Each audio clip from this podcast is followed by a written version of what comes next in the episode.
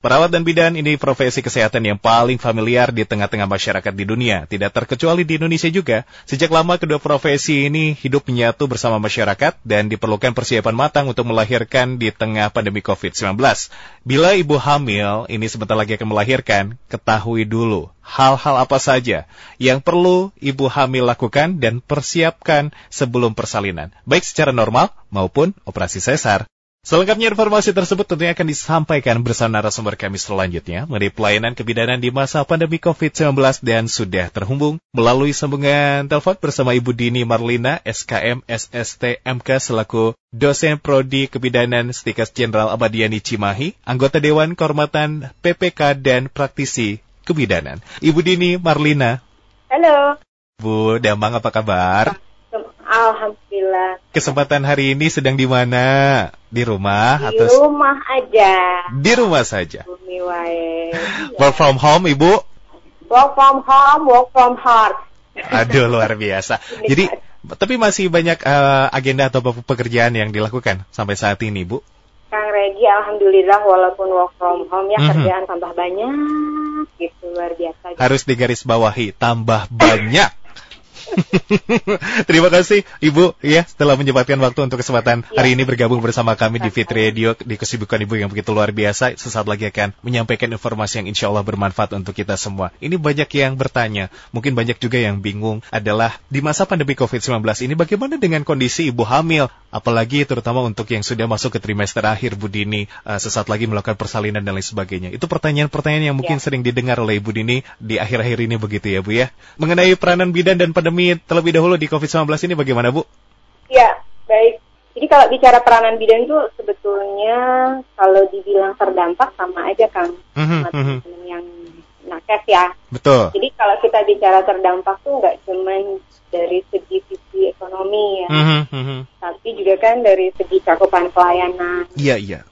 Pasti ada perubahan mindset sih di sini sama teman-teman gitu ya, karena memang pelayanan kesehatan kebidanan dan semua tatanan pelayanan kesehatan juga ada perubahan. Kalau kita bicara pelayanan kebidanan itu yang saya bicara dulu pelayanan kebidanan ya Kang Regi ya. Mangga, boleh silakan. Ya. Cakupan pelayanan kebidanan kan dari mulai prakonsepsi, ibu hamil, mm -hmm, bersalin, mm -hmm menyusui, pelayanan KB 6 minggu, bayi balita, sampai sebetulnya pada ibu-ibu kita nih, lansia Manula Sang Regi, ibunya udah lansia belum atau masih muda belia? Masih ya muda lah. oh baiklah. ya. Jadi kami dari sebelum menikah sampai hmm. dengan ibunya menopause. Okay. Kan gitu nih kita. Nah kalau sekarang kan kita kerucutkan ke ibu hamil yang siapan persalinan. Pasti ada kekhawatiran dan kekhawatiran ini nggak cuma untuk ibu hamil dan keluarga, petugas pelayanan kesehatan juga sama. Kalau dulu mungkin kita melihat dari segi kualitas ada uang ada barang gitu ya Kang ya. Oh VIP kelas ini kelas satu kelas dua. Nah kalau sekarang peran sudah tidak begitu lagi. Tapi bagaimana menjaga agar semua tetap sehat terhindar dari penularan COVID ibu hamilnya juga sehat sampai dengan bersalin sampai dengan nifas. Nah peran bidan tentu penting ya Kang ya. Mm-hmm, mm-hmm. Kan kami dikhususkan di bukan dikhususkan sih ya artinya fokus utamanya di konsultasi dan pendidikan kesehatan. Baik. Mm-hmm. dalam hal ini kan e, wanita ya sebagai yeah. pusat keluarga atau juga sebenarnya masyarakat sekitar karena kan banyaknya teman-teman bidan itu lebih besar di area lingkungan masyarakat dibandingkan dengan rumah sakit. Jadi mereka benar-benar memerlukan suatu pelayanan yang terpadu dan holistik. Jadi kalau ada kata-kata PKRT itu pelayanan kesehatan reproduksi terpadu. Mm-hmm. Holistik artinya pelayanan yang diberikan sesuai dengan kebutuhan semua. Tadi tugasnya tuh dari mulai prakonsepsi, sebelum hamil, hamil, bersalin, nifas, PKB. Tentu saja pada kasus sekarang ada perubahan peran tadi. Jadi secara global sih nggak ada perubahan peran, hanya ada satu kegiatan yang mungkin bertambah ya Kang PHBS itu loh Kang. Betul, betul. Uh, kalau saya dengar setiap pembicara di sini bicaranya PHBS dan memang harus diulang saya rasa gitu supaya gak cuma dewasa dan intelektual, semua tatanan masyarakat tuh benar-benar akan sampai hafal banget hafal nih mm-hmm. PHBS. Gak ada yang terlupa tuh dari tujuh item semuanya ada gitu ya pedomannya, protokolnya. Iya. Jadi mereka akan selalu begitu. Uh, itu sih ada penambahan ya, tadi disampaikan pakai hazmat kayak astronot buta Hmm, gitu AC hmm, hmm. di dalamnya nggak ada tambah lagi dan lain-lain jadi kehati-hatian kita juga bertambah di sana itu perannya kang kemarin kali ya kang pernah dengar teman bidan yang di salah satu kota Subang tuh yang viral uh, rujuk-rujuk pasien 24 jam pakai begituan dari rumah sakit mana ke rumah sakit mana karena ada ibu hamil yang melahirkan Hmm, hmm, hmm. itu salah satu peran yang sekarang juga kami kerjakan Itu sebagai contoh nyata yang mungkin bisa terlihat oleh Ya. masyarakat ya informasi yang viral beberapa waktu lalu, Ibu Dini. betul Baik. betul nggak hoax itu beneran Iya, itu yang jadi masalah karena Indonesia ini selalu dibarengi dengan masalah atau informasi yang hoax yang belum tentu kebenarannya. Begitu ya. kita harus juga pintar-pintar memilih ya dalam mencari informasi. Ibu Dini terima kasih ini penjelasan awal yang begitu luar biasa mengingatkan kepada pendengar yang saat ini sedang menyimak ya. Bu Dini tadi menyampaikan bahwa PHBS ini harus terus kita sampaikan, kita edukasi, kita ingatkan supaya tertanam di setiap individu masyarakat. Demikian Bu Dini, begitu ya? Iya, iya, iya, Kang. Ya gitu. Sampai anak kecil pun harus Duh, tahu itu gimana cuci tangan, tujuh langkah tuh kalau kami di tenaga kesehatan wajib cuci Wajib, tangan. ya? Kan kalau ujian mana cuci tangannya dilihatin tuh dari awal sampai akhir. Kalau nggak bener diulangi lagi tuh ujian Oke, eh, cuci oke. tangannya. Padahal hanya Mhm, cuci tangan. mhm, mhm. Tapi ternyata di COVID ini ini sesuatu yang penting banget ya, Kang. Signifikan Sangat, sangat gitu penting ya. hasilnya. Kata Mhm, dokter mhm. Rina tadi disampaikan, cuci tangan pakai sabun menghilangkan virus karena si lemak ini bisa diuraikan dengan sabun tadi gitu. Baik Ibu Dini ya saling mengingatkan hal demikian. Hukumnya wajib saat ini untuk berperilaku hidup bersih dan juga sehat salah satunya dengan mencuci tangan dan setiap generasi ini pasti dari usia lanjut hingga anak-anak ini memang harus terus diingatkan mengenai hal tersebut. Baik, Ibu Dini, kalau misalkan di tengah pandemi COVID-19 ini kan ada permasalahan lain selain virus coronanya, bukan permasalahan tapi kondisi lain maksudnya. Adalah banyaknya masyarakat juga yang saat ini positif hamil. Ramai juga diperbincangkan beberapa waktu ini juga sedang hangat karena warga masyarakat mungkin work from home di karantina tidak bisa ke mana-mana. Akhirnya situasi lainnya adalah banyak masyarakat yang positif hamil. Nah ini Bu Dini bagaimana tanggapannya seperti ini? Apa sebetulnya? Karena kalau sudah positif berarti harus dijaga hingga persalinan nanti ya. Bu Dini bagaimana sebetulnya? Iya, Kang Regi, uh, teman-teman saya SMA, SMP suka nanya, Din kamu jangan-jangan bidan juga nggak positif corona tapi positif hamil ya karena di rumah terus gitu ya selama dua bulan ini dari 18 Maret inget banget gitu kan. ya, teman-teman bidan yang lain juga positif loh, positif loh gitu ya. Ya memang, nah ini salah satu salah satu hal yang juga harus diwaspadai pada saat akhirnya tidak keluar rumah, work from home, everything dilakukan di rumah, sering ketemu banget sama orang yang kita sayangi, suami selalu ada, Iya. ya. Terus pelayanan kesehatan terdampak yang tadi saya bilang, salah Mhm, satunya dari mhm. pelayanan KB. Jadi kan biasanya mau pasang IUD jadi ragu, pasang implan jadi eh, ragu karena Mhm, mhm. ABCD gitu ya atau akhirnya ya kondom aja dulu gitu. Mhm, mhm. Eh, suntiknya ke bidannya jadi males Iya, karena iya. ada protokol kebidanan juga yang Mhm. em, ada eh, rekomendasi dari Kata Bidan Indonesia. Mhm, Ini bidan mhm. sekarang ngerjain pelayanan kesehatan ini ini ini.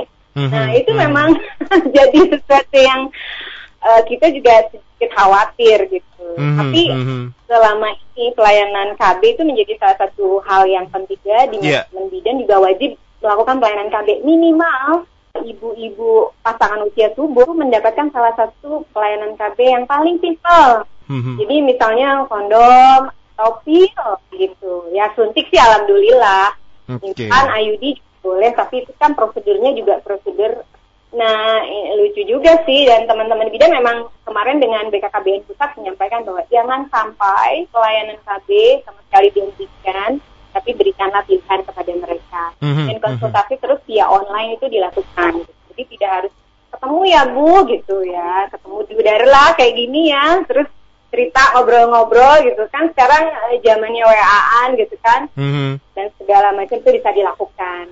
Petugas kesehatan nggak akan menutup hal itu. Teman-teman bidan juga akan menjadi welcome dengan itu kok kan.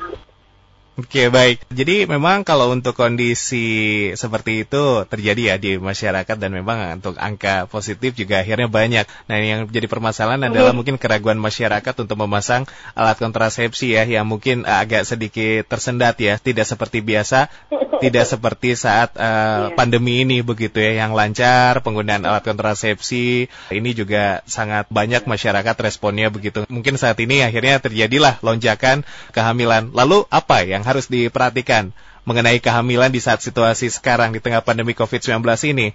Apa yang perlu dijaga selain kehamilannya sendiri? Ya, oke. Okay. Kita semua tahu bahwa ibu hamil kan sistem kekebalan tubuhnya menurun. Sejak COVID normal pun semua tahu begitu. Nah, hal inilah yang membuat ibu hamil dia jadi lebih rentan kan terkena infeksi. Termasuk infeksi corona. Walaupun tadi disampaikan tidak cuma corona loh yang berbahaya gitu ya tadi tapi virus lain juga banyak yang berbahaya misalnya DBD, hepatitis, HIV kan juga itu sama-sama berbahaya. Nah, selama ada perubahan di dalam tubuh selama hamil, kalau ibu hamil positif COVID, maka gejala yang dialami oleh mereka itu akan jauh lebih berat dibandingkan dengan mereka-mereka seperti kita yang tidak hamil. Itu otomatis. Jadi merupakan salah satu faktor risiko tinggi selain anak, ibu hamil, dan manula ya. Kalau dulu kan manula, jalan via, yang di sana. Sehingga rekomendasi utamanya sih sebenarnya simple Kang Reki. Mm-hmm. Satu, udah hindari terpapar virus penyebab. Okay. Dua, lakukan pencegahan penularan dengan PHBS tadi. Bagaimana menghindari virus penyebab? Berarti kita menghindari kontak sosial dengan orang yang tidak sebanyak sebelumnya kan. Misalnya ibu hamil belanja keperluan bayi ke pasar baru berjam-jam, seharian ngubek-ngubek. Ya, sekarang dihindari online mungkin lebih baik. Terus social distancing berarti kan ada physical distancing dengan yang lain. Itu menghindari terpapar virus penyebab. Yang kedua pencegahan penularan dengan PHBS. Daya tahan tubuh juga harus diperhatikan konsumsi makanan bergizi, multivitamin yang direkomendasikan bidan atau dokter, terus tidurnya cukup, oh, suplemen, kehamilan, jangan lupa. Nah, yang dulu kan kita suka sampaikan periksa hamil ya gitu, sebulan sekali USG. Nah, karena sekarang kita ingin menghindari terpapar virus penyebab tadi, maka kita punya aturan lagi nih untuk pemeriksaan kehamilan, Bu Aku mau sampaikan pedoman tentang panduan pemeriksaan antenatal care sesuai dengan peran tata kelola klinik dalam memastikan pelayanan kebijakan atau kespro yang berkualitas di masa pandemi ya Kang Regi ya. Boleh. Uh -uh. Jadi Silakan. di situ ada informasinya adalah pada saat ibu hamil, jadi panduan pemeriksaan antenatalnya itu kurang dari 11 minggu. Kang Regi paham minggu-mingguan nggak yang kayak gitu? Ya suami juga harus tahu ya Bu dalam hal ini ya. Ah, suami harus tahu banget, betul, harus betul. tahu banget. Jangan cuma tahu buatnya, tapi minggunya lupa. iya iya iya iya. iya. Gimana sok Bu apa? Eh, lucu, kadang-kadang suka ada ibu-ibu yang nanya, ibu haid terakhirnya kapan? Mas, aku kapan ya haid terakhir? Wah, aku seneng banget ya kalau kalau ada pacarnya begitu ya. Jadi suaminya yang bilang, oh iya sangat segini bu gitu. keren banget tuh, keren banget tuh. Mudah-mudahan Kak Regi salah satunya ya, makanya. Oke. Okay kalau usia kurang dari 11 minggu sebetulnya pemeriksaan antenatal itu tidak perlu dilakukan okay. pada masa sekarang. Mm -hmm. Ya, tapi memang kalaupun USG biasanya deteksi apakah kehamilannya di luar kandungan atau memang di tempatnya. Pernah dengar hamil ektopik ya? Betul, betul, iya. Yeah. Nah, kalau misalnya dia 11 minggu sampai 36 minggu lah pilih deh. Pilih salah satu minggu yang keberapa yang mau jangan dulu aduh aku pengen lihat dia cewek atau cowok ya? Dan lain masa ini ibu-ibu hamil please tahan diri dulu deh ya untuk hal-hal begitu. Cowok atau cewek kan sama aja insya Allah salah saleha. Nah kalau sudah 37 minggu Kang Regi yeah. baru ini kita periksa lagi benar nih trimester 3 jadi di trimester 3 baru kita periksa. Nah seperti itu sekarang panduan pelayanan kesehatannya. Protokol kesehatannya tetap, PHBS-nya tetap, cuci tangan, nggak keluar rumah, physical distancing, masker, mhm, mhm. hindari kontak, nggak sentuh mata, mulut, hidung, etika batuk bersin itu tetap, di mana pun berada tetap. kalau saya keluar dari rumah bebersih saya ya kan ya betul gitu. betul Alhamdulillahnya kalau muslim kan suka wudhu, nah itu juga diperlukan. Ibu hamil pahala ibadahnya tuh ribuan kali dari kita yang biasa. Jadi hmm, masya Allah semakin banyak melakukan kegiatan ibadah, semakin baik. Semakin banyak berwudhu, semakin sehat insya Allah. Semakin banyak cuci piring, cuci baju, semakin sehat. iya karena terus beraktivitas begitu ya beraktivitas. Karena kan cuci piring, cuci baju tuh tangannya bersih terus ya Kang Regi, kata. Rina tadi kan. Tangan kita menjadi terhindar terus dari paparan. Seperti mhm. itu. Baik, terima kasih Bu Dini itu gambaran bagaimana menjaga kehamilan dari awal juga tentunya kalau misalkan kondisi mendekati persalinan sudah masuk di trimester akhir. Nah, ini juga penting untuk disampaikan. Bu Dini, ini untuk saat ini di tengah pandemi mau ke rumah sakit untuk persalinan juga ada rasa khawatir begitu apakah dipisah dengan kondisi Covid atau dicampur atau bagaimana itu kan mungkin uh, pertanyaan-pertanyaan yang ada di dalam benak masyarakat ya Bu Dini saat ini yang memang kehamilannya sudah mendekati persalinan. Ini apa yang harus dipersiapkan juga? Eh, sempat melahirkan kalau ibunya memang baik merasa bukan merasa ya dalam kondisi sehat tidak covid itu bisa melahirkan di rumah bersalin atau klinik. Nah, tapi yang dipertimbangkan adalah risiko dan manfaat. Jadi kalau di klinik atau di rumah pastikan kendaraan yang seperti itu baik.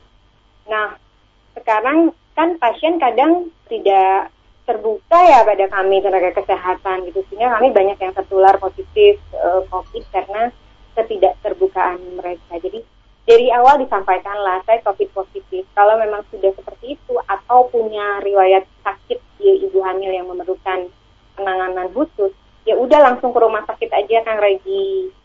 Walaupun mungkin ada kekhawatiran kan sekarang rumah sakit juga banyak pilihan. Jadi ada rumah sakit khusus bersalin ibu anak gitu yang memang di situ apa orang yang yang ada di sananya juga tidak terlalu banyak kan jadi bisa dimanfaatkan. Dan rumah sakit-rumah sakit lain juga sekarang kan sayang ibu bayi ya jadi pemisahan dari ruangan ibu bayi bersalin dan anaknya itu memang sudah sedemikian bagus. Gitu. Jadi melahirkan di mana saja yang terpenting dipikirkan dari sekarang dan lihat kondisi ibunya. Jangan Mhm, memaksakan ingin lahir di bidan atau klinik biasa yang nanti proses rujukan kalau ibunya memang sudah bermasalah dari awal. Bicara COVID atau enggak ya, Kang Rey, Iya, iya. itu, itu tetap sama. Hanya perbedaannya kalau sudah COVID, sudah langsung saja ke rumah sakit supaya eh, kita potong kompas gitu. Kesehatannya potong kompas. Keselamatannya juga potong kompas ibu dan bayi. Ya dipikirin dari sekarang, tapi pendampingnya juga harus yang sehat gitu. Jadi nanti kan sekarang tidak seperti dulu, boleh rame-rame masuk ruang bersalin, ada satu RT gitu ya. Betul. Kan boleh, cuma satu. Cuma satu ya Terus? sekarang. Oke. Eh, diminimalisir, nggak ditengok, bukan Mhm, nggak mhm. tega, tapi kasihan bayinya, manakala ibu bersalin dan bayinya sehat, yang Mhm, nengoknya mhm, sehat, mhm. kasihan kan, kasihan juga anak itu yang harus dimengerti dan ibu hamil dan eh, keluarga juga tetangga, gitu yang lain. Oke. Jadi dari, dari sekarang dipikirin, aku sehat kok, aku mau ke bidan ini apalagi misalnya dari awal eh, hamil Mhm. sudah periksa di situ kan biasanya trust ya Kang Regi kepercayaan. Ya udah di situ. Pasti dilayani kok, insya Allah pasti dilayani. Tapi andai kata dirujuk, ya sudah, go ke rumah sakit langsung. Seperti itu. Baik, terima kasih Bu Dini. Demikian pendengar apa yang disampaikan oleh Bu Dini, persiapan dari awal hingga tentunya menuju persalinan apa yang harus dipersiapkan. Yang penting disampaikan, diingat oleh Anda adalah itu tadi rencana ya. Ada beberapa plan yang mungkin sudah langsung dibuat di awal-awal ataupun pertengahan ya Bu ya. Kalau misalkan memang ini sudah akan memasuki persalinan atau masa terakhir di trimester akhir, begitu ini sudah mudah karena sudah ada perencanaan sebelumnya. Begitu ya Bu ya. Bu Dini saat ini apakah ada pengurangan fasilitas kalau dilihat dari rumah sakit khusus ibu anak ataupun bidan dan lain sebagainya atau sebetulnya tetap saja normal atau mungkin tadi ada minimalisir untuk kedatangan langsung ke fasilitas kesehatannya? ya. Kan sekarang tidak semua bisa datang ke kita. Ada prosedur khusus, ada Mhm, kesehatan mhm. khusus yang perlu diperhatikan. Misalnya yang sakit, demam atau apa langsung ke eh, pelayan kesehatan lebih tinggi. Mhm, Kesehatan mhm. Jadi ibu hamil yang demam sakit juga biasanya kita langsung anjurkan untuk ke pelayanan yang lebih lengkap untuk Terus juga em, bayi balita eh, bayi balita sakit atau apa memang seyogianya harus langsung ke puskesmas atau klinik atau sakit. Mhm, Memang mhm. ada perubahan tadi kayak pelayanan KB ya tadi kan biasanya ada oh, implan IUD berkurang jadi downfield ya maksimal fungsi. Sama ini juga pelayanan kehamilan ini akhirnya karena kita social distancing jadi kami jadwalkan. Saya mm kita mhm. jadwalkan. Eh, ibu hamil di hari Senin dan hari Selasa. Yang lain jangan di hari itu supaya tidak ada penumpukan di pelayanan kesehatannya. Dan yang mengantar cukup satu, gitu, tidak banyakan, tidak membawa anak kecil itu prosedur-prosedur yang dijaga supaya aman untuk semua kok, bukan cuma untuk bidan dan tenaga kesehatannya Iya, iya. itu juga untuk ibu dan keluarganya. Kan suka ada yang hamil diantar dia diantar neneknya, diantar ponakannya, diantar untuk pemeriksaan ibu hamil satu aja gitu. Dulu itu oke mangga silahkan, kalau sekarang jangan. Dan tadi sesuai dengan eh, prosedur penata laksanaan antenatal tadi, pemeriksaan kesehatan dikurangi jadwal. Kalau memang tidak terlalu merasa bermasalah, Mhm, mhm. boleh tetap di rumah aja. Tapi kalau misalnya ternyata ibu merasa ada masalah nih di kehamilannya, Kang Regi, Iya. tuh buku KIA anu ping Kang Regi weningat tuh. Leres, itu mah harus satu wajib ya Bu ya. Dimiliki, Ya, Semua ibu dilihat. pasti punya ya. Iya. Oh, oh, semua ibu punya yang pink dibaca, diaus-aus gitu. Nah itu penting, wajib. Kalau ada kondisi-kondisi itu yang dirasakan oleh ibu hamil, ya jangan di rumah aja.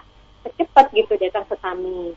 Saya kan tadi ada kedua dari datang ada keluar mhm, dari mhm. ketuban, ada dari perut hebat, sakit kepala hebat, gitu ya bengkak-bengkak di muka. Ya itu ya jangan diam di rumah kan bisa membedakan kita ya Kang mana bengkak ibu hamil mana bengkak karena suatu salah saya rasa pasti keluarga atau suami mah apalagi yang tiap hari melihat pasti Iya, akan iya. tahu eh kok mm, bunda ininya bengkaknya begini ya kok cuma di sini aja nah itu ya jangan dibiarkan itu harus kan kalaupun eh, ada informasi pelayanan kesehatannya dibatasi untuk beberapa Mhm, mhm. Baik Ibu Dini, terima kasih itu lengkap sekali apa yang sudah diingatkan kembali kepada pendengar yang berkaitan dengan bagaimana menjaga kehamilan, persalinan dan nanti setelah anaknya juga lahir begitu ya. Dan KIA-nya itu jangan hilang ya, tetap karena memang itu menjadi pedoman Ibu ya. Setelah Ya, seribu hari ya. pertama untuk sang anak. Oke, Ya.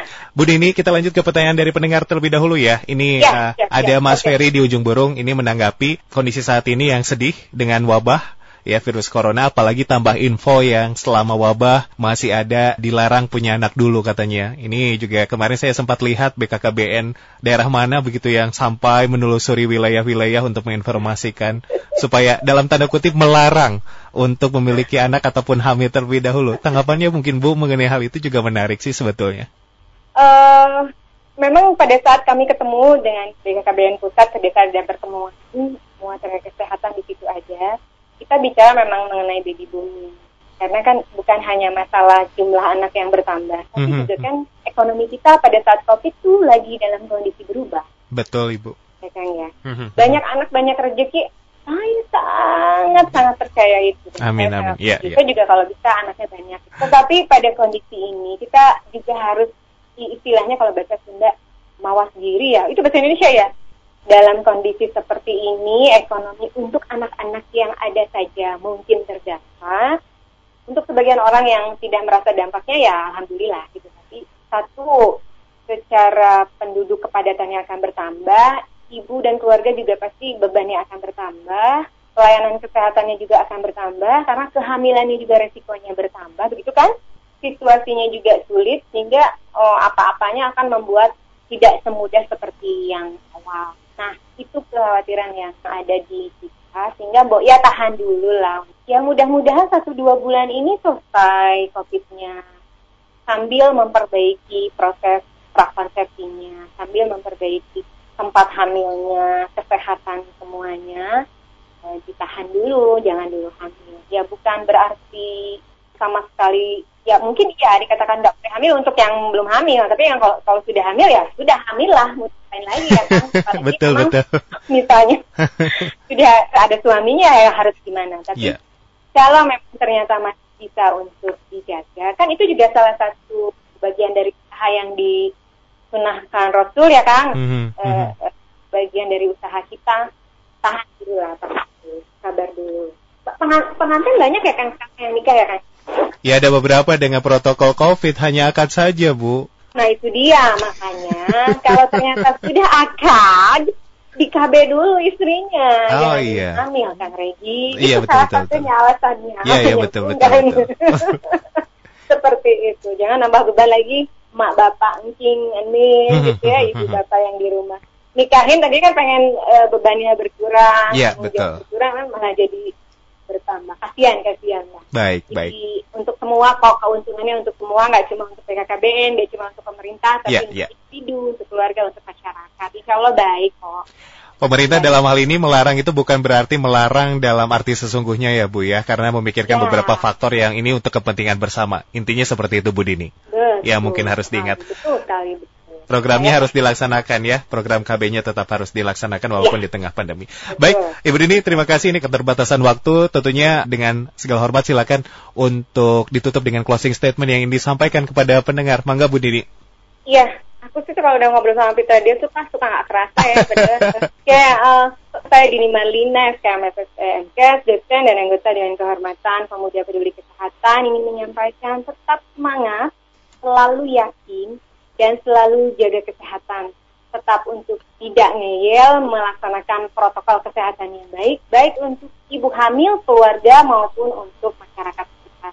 Tetap di rumah kecuali jika ada urgen dan kita yakin kita bisa perangi corona, Indonesia pasti.